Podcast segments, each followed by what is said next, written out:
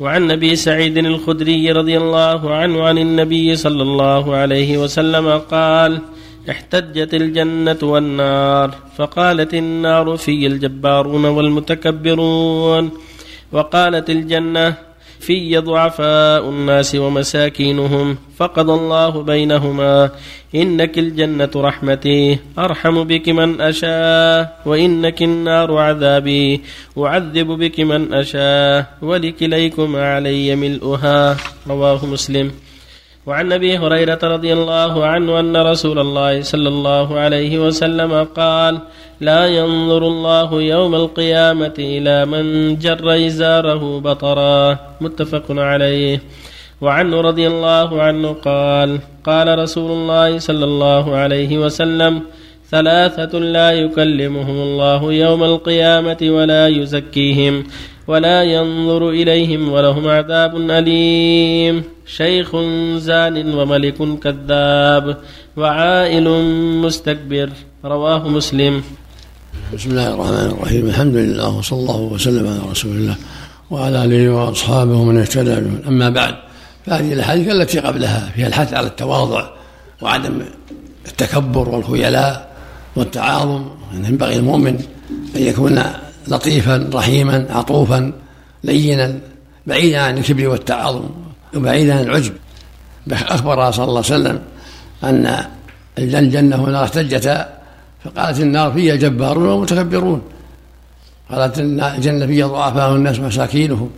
فقال الله جل وعلا للجنة أنت رحمتي أرحم بكم من أشاء وللنار أنت عذابي أعذب من أشاء ولكل واحد منه منكم منه فهذا فيه بيع الحاج الجبروت والظلم والعدوان والتكبر وأن أصحاب الظلم والعدوان هم أصحاب النار. قال صلى الله عليه وسلم اتقوا الظلم فإن الظلم ظلمات يوم القيامة. قال صلى الله عليه وسلم من جر ثوبه خيالا لم ينظر الله إليه يوم القيامة. فالواجب على المؤمن الحذر من جميع أنواع الظلم والحذر من التكبر والتعاظم والحث على التواضع. كذلك ثلاثة لا يكلمهم الله. ولا ينظر إليهم ولا يزكيهم ولهم عذاب أليم. نعم. شيخ زاني وملك كذاب كذلك وعائل مستكبر ورجل جعل الله بضاعة لا يشتري إلا بيمينه ولا يبيع إلا بيمينه. كلهم نسأل الله العافية. كل هذا يجب الحذر من الكذب والتكبر والاستكبار ولو سواء كان غنيا أو فقيرا. يجب الحذر من خصال المجرمين. نسأل الله العافية والسلام. في حديث أبو هريرة نعم. لا ينظر الله من جر إزاره بطرا. هذا هذا يعيد يفيد الحذر. معنى بطرا. تكبرا. نسأل الله العافية. نعم. بارك الله فيكم. رجل وهو في أحد العمائر في احدى الشقق يعني في مذياع أو تلفاز صوت عالي. فدق الباب وامرأة ردت عليه صاحب البيت غير موجود. فأمرها أن تطفئ يعني على أساس إنها من أهل التوحيد تطفئ المذياع وهكذا. أمر ونهي من خلال الباب. ان توضي يعني آلة له؟ في أحد الشقق بارك الله فيك. يعني هو في أحد العمائر وجد شقة فيها تلفاز أو مذياع على أغاني. فدق الباب وقال ونصح المرأة المرأة. ما يخالف طيب. هذا لا بأس به. جه. من باب إنكار المنكر.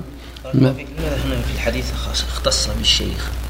شيخ زان هذا يفيد ان أن الشباب قد يطغيه الشباب قد يغره الشباب ولكن هذا كان شيخ شيء شيبه قد اعتاد هذا الشر. اعتاد الفساد. نسأل الله يكون إثمه أكبر. نسأل الله العافية. نعم. وكذلك العائل المستكبر. التكبر حتى من الغني لكن كونه من العائلة يكون أشد إثما لعدم وجود ما يدعوه إلى ذلك. نسأل الله العافية. السلام عليكم يا شيخ رجل ذهب ليأخذ عمرة. فأحرم ونوى ثم وصل إلى مكة في وقت صلاة الظهر ثم صلى الظهر في الحرم. وعاد ثاني مرة أخرى إلى الشقة. هل تنقطع التلبية بمجرد شيخ رؤيته للكعبة؟ لا لا لا يلبي حتى يشرع في الطواف. إذا شرع في الطواف قطع التلبية يعني عموم التلبية شيخ ما تنقطع؟ لا ما تنقطع. حتى حتى يشرع في الطواف نعم. رايكم يا شيخ إذا جاء الإنسان والصف الأول فاضي أيهما أفضل؟ أن يكون خلف الإمام مباشرة إن تيسر أم يمينا قليلا أم يسارا قليلا؟ إن كان خلفه هذا هذا أصل الصف. وإذا كان يمين أو شيء أمام فاليمين أفضل. أما خلفه فهو متوسط. الظاهر أنه هو أفضل شيء يكون خلف الإمام. لأنه هذا يعني قصب السبق. هذا أصل الصف. وإذا كان أقصى اليمين بارك الله فيكم وبجواره على يساره آه، رجل كبير يصلي وهو جالس. ثم عندما قام الصلاة آه، تساوت الصفوف فأصبحت فرجه بينه وبين ال- باقي الصفوف. يترك الشيبه وي- ويتم الصف. أم يجلس يعمل جماعة مع هذا ال- العجوز الذي يجلس. هي الصف الأول أفضل. يمين يمنة كل صف أفضل. هو في الصف الأول بارك الله فيكم بس عندما تساوت الصفوف فأصبحت في فرجة بينه هو الرجل ال- الذي يسده يسده فرجة. يترك هذا الرجل يصلي وحده؟ يسد الفرجة ويقرب منه. إذا سد الفرجة فهيتركه يصلي, يصلي وحده بارك الله فيكم منه هذا الرجل الكبير الذي يجلس هو يصلي. مو في الصف؟ في الصف بس على بس يقرب. في مسافة بينه وبين ال- يقال له يدنو يدنو. ولا يجي إنسان يصف بينكم وبينه حتى يسد فرجة. ولا يدنو. بارك الله بك رجل يسأل يقول ما هو السبب على الحث على الإخلاص؟ ها؟ أكبر سبب للحث للإخلاص لله. العمل ما يقبل إلا إذا كان خالصا لله إذا كان لغيره ما يقبل. قال ما هو السبب؟ لأن العبد يتقرب به إلى الله. العبادات تقربه إلى الله. ما تنفع ولا تقبل ولا تصح إلا إذا كانت لله.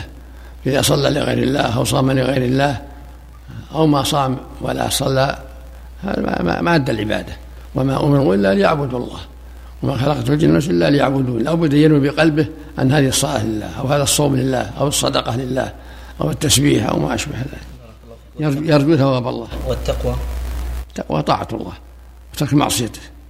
المتقي هو الذي أطاع الله وترك المعاصي عليكم. إذا كان في بيت مسلمين شاب كبير في السن وعاقل وبالغ وذكي ومتعلم علوم الشريعة ثم يكفر دائما يكرر الاستهزاء بالدين والسخرية وال مثل غيره مثل غيره سواء شاب ولا ما هو بشاب.